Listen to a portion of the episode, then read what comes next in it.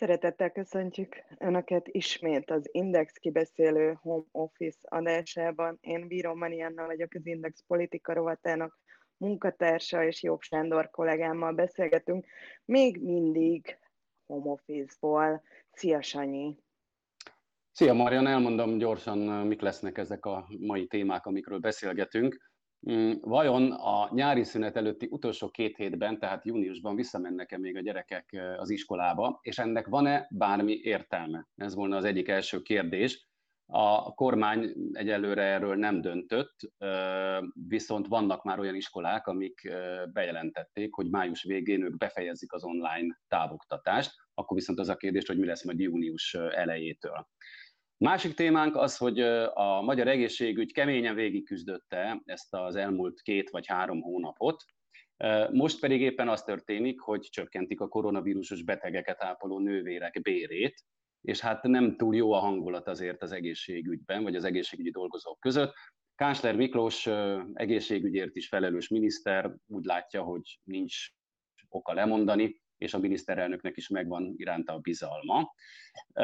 És ehhez kapcsolódóan fogunk arról beszélgetni, hogy vajon hogy kezelte a járványt a kormány, mit tanulhat az egészségügy az elmúlt közel három hónapból, és milyen változások jöhetnek majd ezután. Ezekről a kérdésekről fogunk itt az adásban beszélgetni Rékasi Balázs orvossal, egészségügyi szakmenedzserrel. Na hát nagyon izgalmas témáink vannak, és szerintem mind a kettő alapvető témánk nagyon fontos. Sőt, az a tapasztalatom, hogy a, a mi nézőink, olvasóink nem szeretik, amikor mi itt húzzuk a, az adás elején az időt, és egy kicsit viccelődünk, vagy jópofáskodunk, Úgyhogy most se szeretnénk ezt nagyon megtenni, ennek nyilván az a célja, hogy akik menet közben csatlakoznak a mi adásunkhoz, akkor is képbe legyenek, vagy amikor a lényegről beszélgetünk, akkor már velünk legyenek. Viszont hát ugye mi még mindig home office-ban vagyunk, e, ezt fontos tudni, nem vettük még birtokba a szerkesztőségünket, annak ellenére, hogy hétfő óta Budapest is újra nyitott.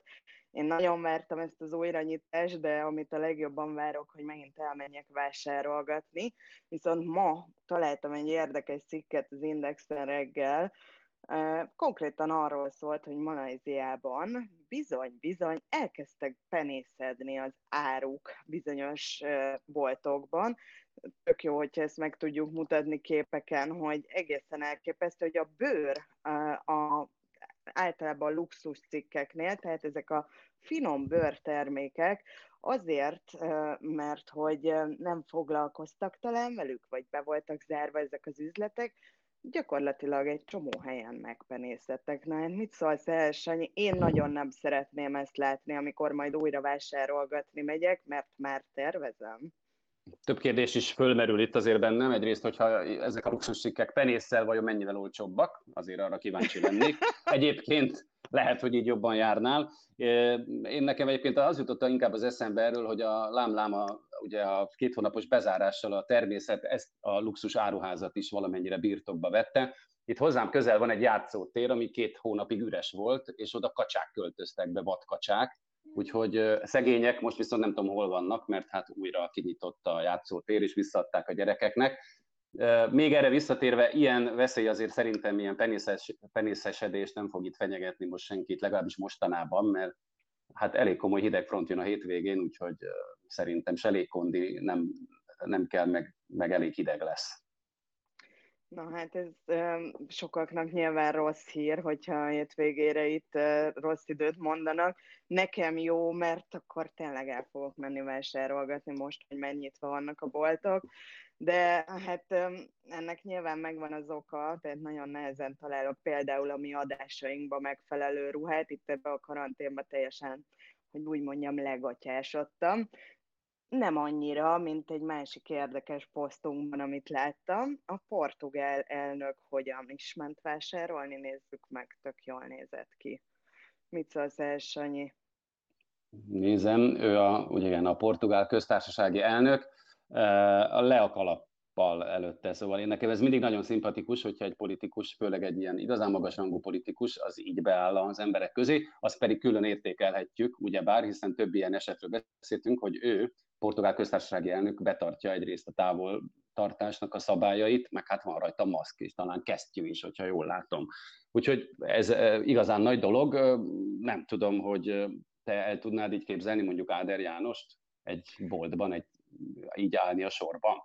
Na jó, hogy ezt kérdezed, mert egyébként tényleg a karácsonyi vásárlási láz idejében, ajándékvásárlási láz idejében összefutottam Áder Jánossal egy könyvesboltban, nyilván nem ismert meg, viszont ő testőrrel volt, és hát abban is biztos vagyok, mint hogy nem sokat láttuk az államfőt az elmúlt hetekben, hogy nem nagyon ugrik le a közértbe, hogy úgy mondjam, élelmiszert vásárolni a Áder János, de ettől függetlenül mindig becsülni kell, és tiszteletre méltó, amikor politikusok példát mutatnak. Például azt nem is említetted, hogy itt a portugál elnök azért a szociális távolság, ezt a egészségügyi védőtávolságnak nevezett másfél méteres távot is betartva, és valóban én is láttam a képen gumikesztyűbe vásárolgatott, hogy miért van erre szükség, nyilván nem csak Portugáliában, hanem Magyarországon is, hiszen az idevágó szabályok életben vannak, még ha kijárási korlátozás már nincs is. Azt mondd nekünk, Sanyi, gyorsan, mik a legfrissebb adatok? Igen, ma annyira nem merülünk el az adatokba, hogy legyen időnk másra is. Három napig emelkedett az aktív fertőzöttek száma, és most ismét csökkent valamelyest. Ez ugye mindig azt jelenti, hogy most megint több a gyó, új gyógyult, mint az új fertőzött. Kicsit beigazolódni látszik egyébként, megkérem majd Ferit, hogy kicsit tekerjen le az új gyógyultakat mutató grafikonra. Beigazolódik látszik az, amit én korábban sejtettem, hogy hétvégén kevesebb embert engednek ki gyógyultként a kórházból, és akkor most így szerda környékén ismét megemelkedett ez a szám. Most ott tartunk, hogy 42 új gyógyult volt, így már összesen 1454-en távoztak a kórházból, 42 újonnan azonosított beteg van. Ez a szám ez egy kicsit most magasabb, mint az előző időszakban, akkor azért 21 meg 36 között mozgott az új betegek száma. És az elhunytak száma az most hárommal emelkedett, korábban ezek is voltak, itt is voltak magasabb adatok, és most összesen, ahogy itt is látható, 470 embert sorolnak azok közé, akik a koronavírus következtében hunytak el Magyarországon. Ugye hétfő óta nyitott újra Budapest is, az országot követve, az ország egyéb pontjait követve. Nyilván ezekből a pár napos adatokból még nehéz lenne bővebb következtetést lemonni.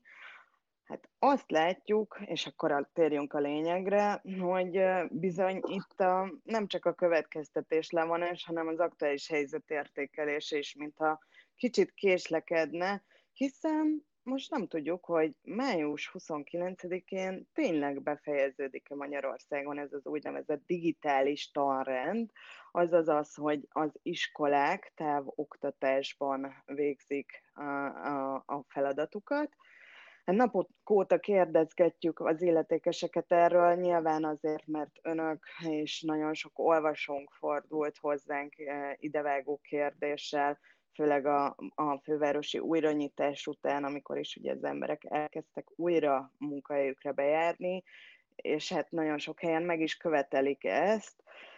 Aztán kiderült, hogy a kormány még nem döntött erről, legalábbis nekünk ezt írták. Szerdán megkérdeztük erről az operatív törzset is, azt válaszolták a kérdésünkre, hogy a kormány még vizsgálja, a, illetve a minisztérium is, amely ezért felelős, ez az Emberi Erőforrások Minisztériuma, tehát vizsgálja ezt a kérdést, nyilván rögtön tájékoztatni fogják a közvéleményt, hogyha döntés születik, állították ők, ugyanakkor hát vannak itt kérdések. Bizony, itt azért több dolgot kell mérlegelni, mondjuk két fontos szempontra azért fölhívnám a a figyelmet, tehát azt mindannyiunk számára világos, hogyha újra akarnák indítani a gazdaságot és a munkahelyeket, akkor nagyon is szükség lenne arra, hogy legyenek óvodák eh, és iskolák, eh, ahova a gyerekek még el tudnak menni, mert hát a szülők hozzájuk vannak kötve részben. A másik fontos dolog, amit meg eh, valóban mérlegelni kell mindemellett, hogy akkor ennyi gyerek kirajzik az iskolákba, vajon ez járványügyi szempontból mennyire jelenthet veszélyt, tehát megnő a kontaktusok száma, és hát ez vajon milyen hatással lehet másokra. Bizony, bizony, ezért is tehetett ez a Orbán Viktor által felkért oktatási akciócsoport javaslatot arra még a múlt héten, erről a Nemzeti Pedagógus Kar elnöke nyilatkozott a múlt héten, hogy bizony, ahol az iskolák maguk, illetve a települések úgy döntenek, ott indulhasson újra az általános iskolásoknak a, az iskolai oktatás. Erről megkérdeztük szintén az operatív törzset még a múlt héten, és ők azt válaszolták vasárnap írásban, hogy bizony ez, ez a javaslat azért megfontolandó, mert az iskolák alsó évfolyamait látogató gyerekek nem mozognak annyi hely között, nem találkoznak másik emberekkel, így ezen évfolyamok megnyitása jóval alacsonyabb járványügyi kockázatot hordoz magával, mint például a középiskolásoknál. Van, ahol erre készülnek, sőt, van, ahol úgy tűnik, mintha erről maguk az intézmények döntöttek volna. Te mit gondolsz, Sanyi, tényleg kisebb a kockázat az alsó tagozatosoknak, mint a középiskolásoknak? Igen, ez ugye jól volt, látható volt a járvány elején is, amikor ugye legelőször, és ez nem csak Magyarországon volt így, nem csak nálunk, hogy legelőször az egyetemeket, aztán utána a középiskolákat zárták be, hogyha, ahol lépcsőzetes volt. Tényleg azért, mert ugye ezek a generációk, ezeknek nagyon-nagyon sok társadalmi kapcsolata van, és hát hogyha egy járvány van, akkor bizony nagyobb az esély, hogy ők jobban el tudják ezt terjeszteni. Na most viszont a középiskolások esetében ott az is van, hogy azért ők, hogyha most ezt ugye fordított sorrendben kéne majd újraindítani, tehát először az alsósokkal, és utána jönnek a többiek, ha jönnek egyáltalán, mert tehát a középiskolások valljuk be, úgy maguk elég jól el vannak már otthon, tehát rájuk annyira nem kell vigyázni. Ami meg még fontos lehet a, a alsó tagozatok, sok újra, alsó tagozatok újraindításánál, hogy bizony ott azért elég fontos dolog az, hogy ilyen alapkészségeket, olvasás, számolás, írás megtanulhassanak, hát ezt azért online-ban lehet, hogy nem annyira könnyű. Hát nyilván ez is vétre két fővárosi iskolát is, legalábbis amelyekről már biztosan tudunk, hiszen ez Cseke Balázs kollégánk cikkéből kiderült, hogy ők bizony tájékoztassák arról a szülőket, hogy május végével megszűnik a digitális oktatás, és bizony ők gyakorlatilag az alsó tagozatosok felügyeletére állnak át, számukra tartanak majd különböző foglalkozásokat, a felsősöknek nem lesz tanítás érdemben, Ho, arra viszont nem válaszolt nekünk semmilyen hivatalos szerv, a, sem az állami intézmény fenntartó, iskola fenntartó, a klik, sem pedig a kormány, illetve az operatív törzs, hogy megszületette az a döntés, amely alapján ezek az iskolák eljárhattak, és fontos arra is emlékeztetni, hogy Orbán Viktor maga is arról beszélt a múlt pénteken a rádió nyilatkozatában, hogy nagyon nehezen dönt a kormány erről, nyilván az általad is említett aggályok, illetve tényezők miatt, hiszen ő maga is tart attól, hogy belobbanhat a járvány egy ilyen közösségi találkozó helytől, mint, mint a, a, az iskola, Orbán Viktor egyébként konkrétan úgy fogalmazott az iskolák júniusi újranyitására, hogy nem lehetetlen, de nagyon óvatos vagyok. Nyilván ebben az ügyben a miniszterelnök nem akar elhamarkodottan határozni, viszont az egy elég fontos kérdés, hogy na akkor végül is mikor fog dönteni róla akár ő, akár a kormány, hiszen mm, azt hiszem tíz nap van hátra uh, májusból, tehát hogyha júniustól újra kell járni, az azért elég rémisztő a szülőknek, akik most épp erre rendezkedtek be, mit mondjanak a munkáltatójuknak. Nem tudom, Sanyi, ti hogy vagytok ezzel az egésszel? Ez egy szokás szerint ugye nagyon bizonytalan helyzet, de azért gondolja arra, hogy annyi valóban van ebben, hogy emlékszel, amikor az érettségéket végül most megtartották, ugye akkor is fölmerült eléggé, hogy na hát elindult több tízezer ember iskolába legalábbis vizsgázni, és akkor ennek milyen járvány ügyi következményei lehetnek. Én csak most, én azt mondanám, hogy ebben az ügyben tényleg a szülőket, meg a gyerekeket is meg lehetne kérdezni. Hát most én, mint szülő azt mondom, meg más szülők véleményét is ismerve, hogy azért bizony néha az ember olyan helyzetbe kerül, hogy ha itthon van a gyerekekkel, akkor vagy dolgozik, vagy a gyerekekkel van, tehát azért ez olyan igazi munka nem mindig lehetséges. A gyerekek esetében meg azt tudom mondani, de hát most csak a saját lányaim, hogy ők egyébként most így jó két hónap után hát szívesen mennének vissza az iskolába. Őszintén megmondom, júniusban én is visszamennék már az iskolába erre az utolsó két hétre, amikor nagyrészt fagyiznak, meg kirándulnak. Szóval, hogy azért lehet, hogy a gyerekeknek ez jót tenne. Na de a tanév az tovább is tarthat, ugye erről is várjuk a kormány döntést is, illetve fel, felmerült korábban, hogy eleve tovább tartana most a tanév de hát ez nem csak nálatok, illetve egyébként ennyit elárulhatunk a nézőknek az Index szerkesztőségén belül, és akár a szerkesztőségbe való visszatérés szempontjából kérdéses, hanem kedden éppen a hozzánk érkező megkeresések miatt kiírtunk egy szavazást is erről. Arra voltunk kíváncsiak, hogy olvasóink azok a szülők, akik éppen ebben a helyzetben őrlődnek, gyakorlatilag hogyan látják, érdemes-e még erre a néhány hétre újra nyitni az iskolákat, mekkorának tartják a kockázatot. Képzeld el, Sanyi, hogy több mint 50 ezeren voksoltak ebben a cikkben a mi szavazásunkra, és bizony-bizony nagy többségük, itt meg is mutatjuk, hogy hogyan alakultak a végeredmények. Több mint 25 ezeren arra voksoltak, hogy ebben a tanévben már felesleges lenne újraindítani az iskolai oktatást, és megoldják otthon. Kifejezetten jól megy az, az otthoni tanulás. Sőt, ezzel talán egyetértő véleményként lehet, de talán más szempontok is dominálják, hogy tizen, több mint 8000-en arra szavaztak, hogy kifejezetten féltik a gyermeküket a fertőzöttségtől és a fertőződés lehetőségétől az iskolában, ezért nem is nagyon engednék egyelőre vissza őket az intézményekbe, illetve ezekbe a közösségekbe de azért, ha már a lányaidat említetted, és, és más szempontokat, hogy ki hogyan oldja meg például a munkába járást így új, újból, illetve a gyerekek felügyeletét, több mint 18 ezer vox, vox arra is érkezett, hogy bizony örülnének, ha újraindulna az iskola, ezt nem tudjuk, hogy a gyerekek vagy a szülők véleménye leginkább, de hát gondolom én, hogy elsősorban az dominálja ezt, hogyha vissza kell térni a munkahelyekre, akkor bizony nagyon nehéz akár a nagyszülők kivonásával vigyázni ezekre a gyerekekre. Mit szólsz hozzá, Sanyi, hogy ilyen sokan érintetnek érezték magukat és szavaztak. Hát én ezt tökéletesen megértem. Hadd mondjak, ugye érdemes körülnézni, hogy mi van körülöttünk.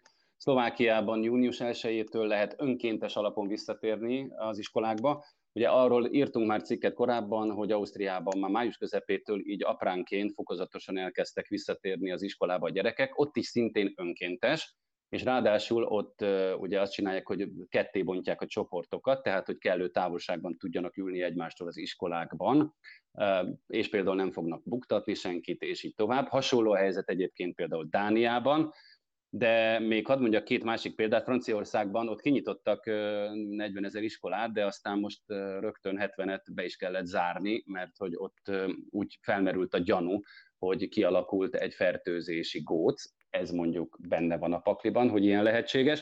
És mondok még egy érdekességet, hogy Cambridge Egyetem is most egyenlőre ott tart, hogy 2021-ig maradnak az online órák, és csak néhány órát tartanának meg személyesen. Hagy, hagy vágjak a szabadba, mert ebben a percben érkezett a hír, hogy Maruzsa Zoltán, oktatási államtitkár, köznevelési államtitkár a Facebook oldalán bejelentette, hogy június másodikától vissza lehet menni az iskolákba. Bizony, Na. és szerint erre azért van szükség, mert a szülők szabadsága sok esetben elfogyott, dolgozniuk kell, tehát éppen arra, azért, amiről mi beszéltünk. Ő is úgy értékelte, ahogy itt most néhány pillanat alatt próbáltam elolvasni, hogy a digitális oktatás rendkívül jól működött Magyarországon, ezért a tanév végéig, június 15-ig érvényben marad, és a tanév hossza sem változik, viszont ezek szerint az iskolák, mm, ha jól értelmezem, akkor maguk eldönthetik, hogy digitálisan, illetve személyesen oktatják-e majd a diákokat. Azért ez elég izgalmas, hogy éppen most derült ki, hát tényleg egy, gyakorlatilag egy hete csak ezzel vagyunk Aha. elfoglalva. Nem? Te is? Jó, ez most, így, ez most így várható volt, és ugye az iskola az egy dolog, tehát az június 15-ig fog tartani, és akkor onnantól jön a következő kérdés még, és erről egy, tényleg egy percet még beszéljünk röviden, hogy hogy hát egyrészt azért a szülőket ismerve sokan, tehát ha tényleg vissza akarnának menni nyáron dolgozni, akkor most nagyon nagy szükség lenne az ő esetükben valami fajta nyári napközikre. Ez nem csak a szülők miatt fontos, hanem a gyerekek miatt is, hanem aki lemaradt például most így az online oktatásban, annak nyáron ilyen nagyon-nagyon óvatos felzárkóztatást lehetne csinálni, és ezen kívül ugye ott vannak még a nyári táborok, de ezekről már Müller Cecília beszélt, hogy nyári táborokat, ott alvós nyári táborokat is lehet tartani. Sőt, hát ugye erről a kormány már határozott, Novák Katalin is beszélt arról, hogy nem csak a táborokban, hanem egyébként az óvodákban és a bölcsödékben is kötelező lesz felügyeletet biztosítani a gyermekek számára. Egyébként az óvodák és a bölcsödék a Maruzsa bejelentés szerint már május 25-től teljes teljesen megnyitnak, és a nyári táborokkal kapcsolatban pedig egyelőre a kormány a napközis táborokat engedélyezte, viszont még hamarosan az ott alvós táborokról is döntés születhet. Ugye Novák Katalin családügyi államtitkár a saját Facebook oldalán szavaztatta meg ezt a kérdést, Mm, biztos vagyok benne, hogy nagyon sok szülőnek kifejezetten kihívás a nyári hónap, és ezért beszélhetett Müller Cecília arról, amit most mutatnak a mi adásrendező kollégáink, innen is köszönjük nekik, hogy micsoda egészségügyi kihívás ez, és hogy milyen járványügyi óvintézkedéseket kell tenni ahhoz, hogy a gyermekek biztonságban táborozhassanak. Uh-huh. No, Marian, akkor hát erre nem számítottunk, de e, ilyen még talán nem is volt, hogy így adásban jött egy e, hír, úgyhogy e, köszönjük szépen, viszont térjünk rá a második témánkra, mert hogy ahogy itt beharangoztam, bizony az egészségügy az keményen harcolt, de hát most is elég érdekes helyzet van. Milyen helyzet is van jelen pillanatban? Igen, hát ugye itt a, mondhatnánk, hogy az iskolák újranyitása, illetve óvodák, bölcsödék újranyitása az a világon és a környezetünkben is sok példát követhet, pont azokat, amiket te is említettél. Úgy tűnik a kormány ezt megfontolta, van azonban, ami példa nélküli. Nagyon úgy tűnik, hogy képzeld el, Sanyi meg is erősítette az Indexnek a Szent János Kórház, hogy bizony csökkentették a koronavírusos betegek mellett dolgozó kórházi ápolók, illetve nővérek fizetését. Itt a járványveszély talán csökkenés. Kedves gesztus. Hm? Így van, és hát a, a, másik probléma, ami miatt ma rengeteg-rengeteg levelet kaptam én személyesen is, de szerintem a szerkesztőség is, hogy bizony még mindig nem kapták meg ezt az úgynevezett, és elvileg május végéig, tehát még időben van a kormány, félre ne érts, plusz juttatást, amit ugye itt a frontvonalban harcoló, harcoló egészségügyi dolgozóknak ígért a kormány, ami bruttó 500 ezer forint lenne, és nagyon sokan bizony elvesztették a másodállásukat, legalábbis a veszélyhelyzetben való rendelkezésre állás és átirányításra, illetve behívási lehetőségek miatt nem tudnak másodműszakot vállalni az egészségügyben, éppen ezért nagyon sokaknak akár a felére is csökkenhetett a fizetése. Ennek ellenére Kásler Miklós néhány napja az ápolók nemzetközi napján azt mondta, hogy én azt nem hiszem, hogy ezt a munkát pénzben megfizetni lehet, de aki egészségügyben vállal szerepet, hivatást választ magának, és nem a pénzért végzi a munkáját. Nyilván ezt egyébként abszolút így gondolhatják a magyar ápolók, illetve egészségügyi szakdolgozók, hiszen köztudottan rettenetesen alacsony a fizetésük.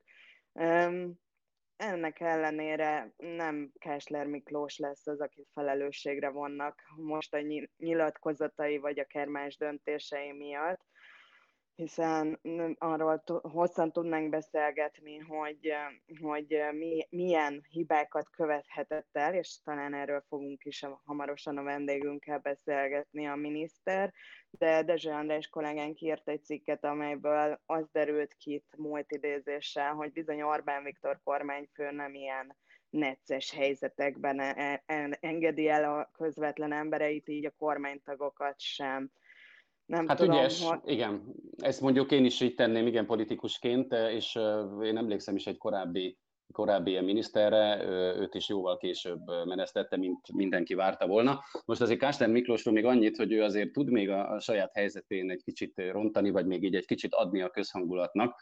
És adott majd egy interjút a Demokratának, és és ebben ugye a sokat vitatott ágyszám felszabadításról, amit ugye ő rendelte el, most azt mondta, hogy, hogy ő ilyen utasítást nem adott, hogy ágyakat kell felszabadítani. Ő azt mondja, azt írta, hogy ő, ő csak és kizárólag a kezelés és az intenzív ellátás bővítésének feltételeit kellett biztosítaniuk, az viszont, hogy kit küld haza és kit nem az orvos, kizárólag a saját szakmai és emberi felelőssége, akár van járvány, akár nincs. Nagyon röviden összefoglalva, tehát, hogy itt ő azt mondja, hogy hát ezért tulajdonképpen az orvosok a felelősök, és nem, a, nem ő és nem a nem miniszter, tehát nem a miniszter vagy a minisztérium a felelős mindezért. Na most térjünk is rá ennek egy ehhez most én hívom be az adásba Rékasi Balázs egészségügyi közgazdászt. Azért csetelgettem itt közben, adás közben is, nem, nem a haverjaimmal csetelgettem. Itt van Rékasi Balázs, jó napot kívánunk! Jó napot kívánunk, köszöntjük az adásban, köszönjük szépen, hogy elfogadta a meghívásunkat. Rékasi Balázs egészségügyi szakmenedzser és orvos. Balázs hall minket? Igen, igen, én most hallom. Igen, igen. Hát, igen. Azt szeretném kérdezni, hogy ön, ön írt is egy cikket egyébként, ami az Indexen jelent meg tegnap, de úgy összességében most hogy látja, hogy végül is a kormány ebben a rendkívüli járványhelyzetben mi az, amit jól tett, és mi az, amit nagyon elszórt?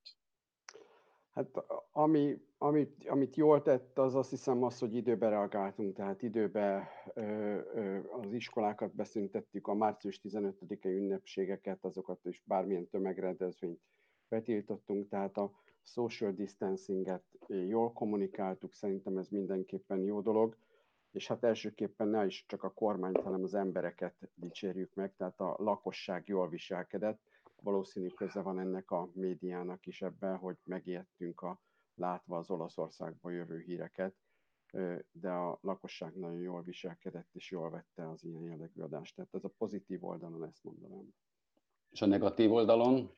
A negatív oldalon hát a, a szakmai kommunikációt azt, azt, azt, azt nagyon, nagyon gázosnak találom, tehát azt, hogy a, a szakma döntéshozók semmilyen információt gyakorlatilag nem kaptak, ez nagyon rossz. Az adatok megosztása mai napig eléggé felületes és, és gyerekes. PCR tesztelésre, ami ennek az egésznek a lényeg, ennek az egész víruskövetésnek az, hogy, hogy ki tudjuk mutatni a vírust a, a, az egy, azoknál a személyeknél, akiknél felmerül a fertőzöttség gyanúja.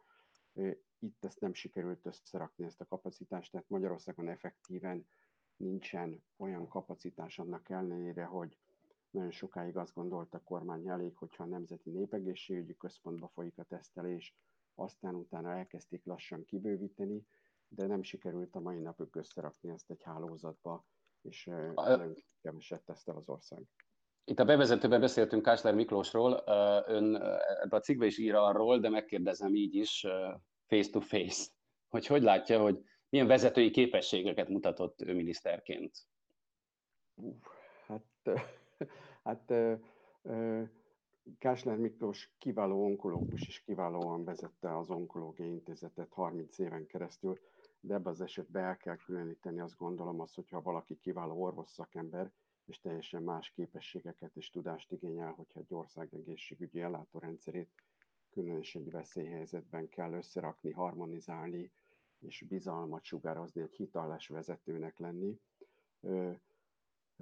Vannak itt is pozitív dolgok, azt gondolom, hogy az e-recept bevezetése a szuper, de nem feltétlenül Kásler Miklóshoz köthető, ugyanígy a telemedicina befogadása, ez viszont hozzá köthető, hogy most történt az elmúlt hetekben.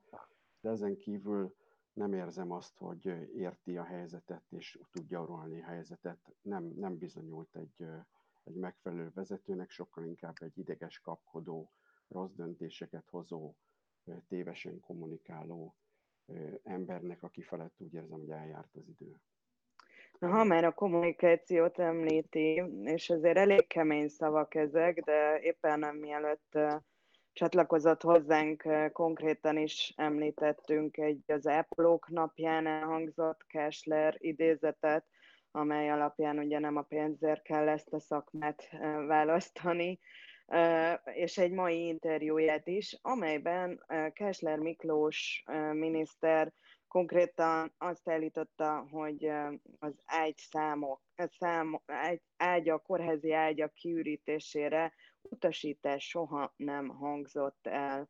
Ugye teljesen nyilvános az a miniszteri utasítás már, bár ezt nem maga a kormány, illetve a szaktárca tette közzé, amit Kessler Miklós jegyzett saját leírásával, és amely konkrét kórházi ágyak kiürítésére vonatkozott.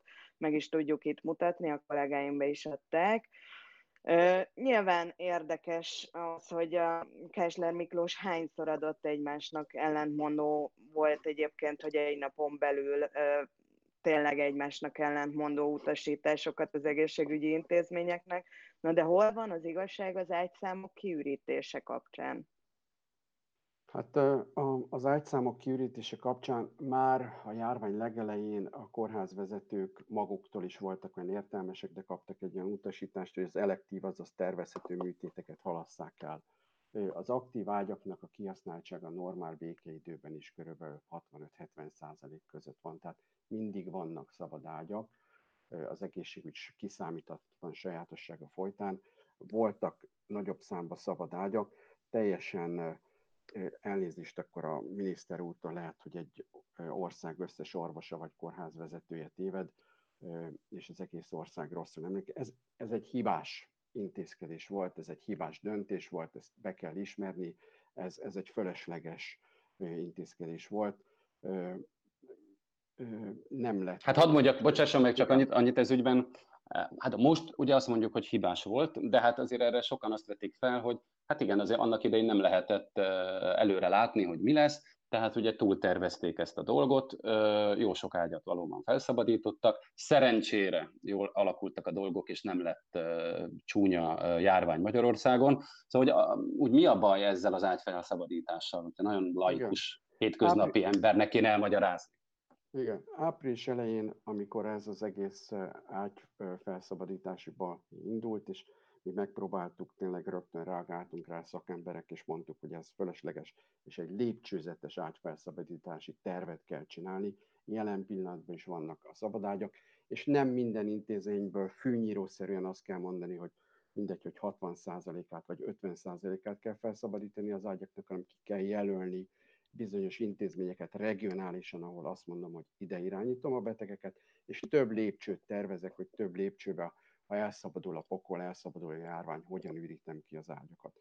De akkor, amikor ez az egész történt, akkor 800 beteg volt az országban, ez egy matematikai számításnak a maximális szélső értéke volt az, amikor azt mondtuk, hogy potenciálisan 8000 intenzív ágyra és potenciálisan 30 ezer feletti ágyra lehet szükség, abban az esetben, ha elszabadul a járvány, és körülbelül 150 ezer aktív eset lesz Magyarországon. Ismert fertőzött eset lesz. Akkor lesz ennyire szükség, de ez egy matematikai számítás szélső értéke volt, amit teljesen félreértelmezett ilyen szempontból a politikai döntéshozó. Ugye mi heteken át kérdezgettük, hogy most, hogy úgynevezett platót elértünk, illetve az első hullám visszavonulásáról beszél a hivatalos kommunikáció, ismét fel lehet tölteni ezeket a kórházi ágyakat, azaz fogadhatják az intézmények a betegeket. Tegnap Müller Cecília országos tisztifőorvos annyit közölt, hogy ezeknek az ágyaknak egy harmadában már lehet fogadni a betegeket, és sokan bizony ebből is arra következtetnek, hogy ez a úgynevezett ágy felszabadítás egy nagyon nagyobb egészségügyi átalakítás használhatom, a reform szót nem tudom, hogy mennyire ijesztő nekünk, Tőlem de hogy a, annak, annak része lehet, hiszen jelenleg a kórházi ágyak 20-30%-a tényleg üresen áll, és mhm. nem tudni, hogy a kormány ezekkel terveze, legalábbis részei lesznek a, a, a betegellátásnak. Ugye felmerült az is, hogy Pintér Sándor veszi kézbe esetleg ezt a menedzsmentet. Nem tudom, ön szerint milyen változások várhatóak, lehet-e valamire következtetni? Én azt gondolom, hogy akkor, amikor ez az egész hatalmas szám kikerült, és elkezdtek emiatt intézkedni, és még egy dolog ide, hogy, hogy ne felejtsük el, hogy az előző napokban, amikor ez történt, akkor miniszter úr két nagyon fontos kórháznak az igazgatóját, nagyon prominens igazgatóját kirúgta. Tehát elképzelem a többi kórházigazgató, aki azt mondta, hogy akkor mostantól katonás rendbe állok, és mindent elkövetek. Tehát semmit nem mertek tenni az intézkedések ellen egyik oldalról, másik oldalról, hogy amikor ez történt, akkor azt gondolom, hogy nem volt végig gondolva, hogy ez egy tudatos reform része. Közben lehet, hogy kapcsolt a kormány, és azt mondta, hogy jó, akkor, akkor ha már itt tartunk, akkor most itt van az idő egy reform folyamathoz, aminek egyébként nagyon örülök és egyetértek is vele, mert az egészségügyben nagyon régóta halogatjuk ezt. Valóban át kell szervezni a magyar egészségügyet, de ez nem csak abból áll, hogy a kórházi ágyakat kell megszüntetni, hanem az alatta levő struktúrát, a házorvosi, alapellátási struktúrát, az otthongon ápolást, a krónikus beteggondozást, a járóbeteg szakrendelőket, stb. stb. meg kell erősíteni ahhoz, hogy a fölösleges esetek valóban ne kerüljenek kórházba, és így lehet olcsóbbá tenni ezt a rendszert. Mhm. Ebből a járványból, igen, igen. Hát és ezt tudom, hogy még, még nagyon hosszan lehetne ezt elemezni, ezt talán majd egy külön, külön alkalommal. Még annyit hadd kérdezzek meg öntől, hogy ez a járvány nagyon sok mindent tanított meg mindenkinek, egy csomó dolog azt mondjuk majd nem úgy megy, mint a járvány előtt a jövőben. Hogy van ez az egészségügyben? Mit tanulhatott az egészségügy? Milyen új dolgok várhatók? Hát én, én azt gondolom, hogy a, a lakosság és a társadalom mindenképpen megtanulta újraértékelni a bizonyos szakmáknak, szakmákat, és Remélem, hogy ebben a tanárok, az egy közszolgáltatást végző, a kukás, a buszvezető és ugyanúgy az egészségügy dolgozók fontossága is felülértékelődött és átértékelődött. Én nagyon bízom ebben, hogy a kormány számára is ez egy üzenet, és azt mondja, hogy fontosabb lesz az egészségügy, többet szánunk erre, és én nagyon bízom ebbe a reformba, hogy ezt, ezt komolyabban fogjuk venni. Egyik oldalról, másik oldalról meg tényleg meg kell változtatni a viselkedésünket még addig, ameddig nem lesz megfelelő átoltottság, vakcina, addig, addig nekünk is sokkal óvatosabban kell viselkednünk. Tehát ezt mindenképpen meg kell tanulnunk. Szerintem ez mind a kettő nagyon fontos gondolat, és végszónak is tökéletes. Nagyon szépen megköszönjük, hogy itt volt velünk, és elbúcsúzunk most, avval a reményel, hogy majd bővebben tényleg beszélgetünk erről a témáról. Rékacsi Balázsnak nagyon szépen köszönjük, viszontlátásra! Viszontlátásra. Köszönöm szépen, viszontlátásra. Viszont Sanyi, te egy pozitív hírrel zárt le ezt a hosszúra nyúlt mai műsort, akkor még mielőtt elbúcsúzunk a nézőinktől. Akkor egy klasszikus egészségügyi hírt. Hát ez pozitív, illetve egy, egy, egy, egy vidám hír, meg, meg, meg talán büszkék is lehetünk erre. A Semmelweis Egyetemen egy robot végzi a fertőtlenítést, egész pontosan de UVC fény kibocsátásával fertőtleníti a környezetét egy ilyen önjáró robot, ami a Semmelweis Egyetem orvosi képalkotó klinikájának alkalmazottja, mondjuk így. Szóval ez járkálott körbe, és ezzel a bizonyos fényjel végzi a fertőtlenítést. Erről aztán van egy videónk, azt nem tudom, hogy látható-e. Ó, igen, ezt még szerintem nézzük meg, mert nagyon látványos. Amit látunk, ez már a robot.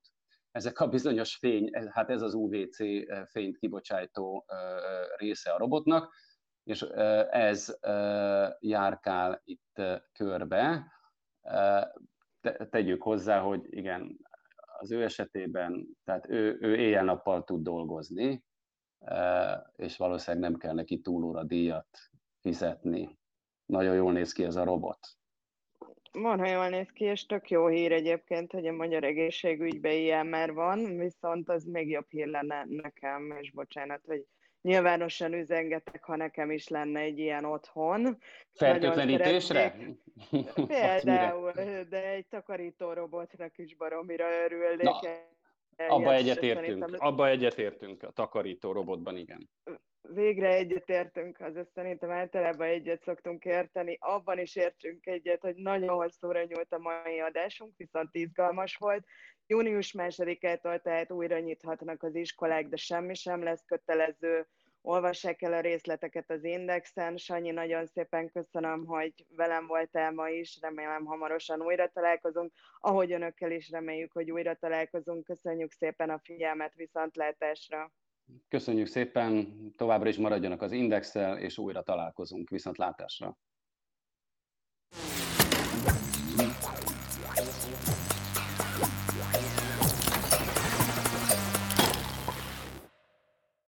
A műsor a Béton partnere.